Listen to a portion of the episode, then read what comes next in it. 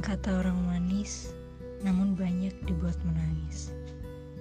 Yang kata orang pahit, namun hidup tampaknya akan terasa sulit.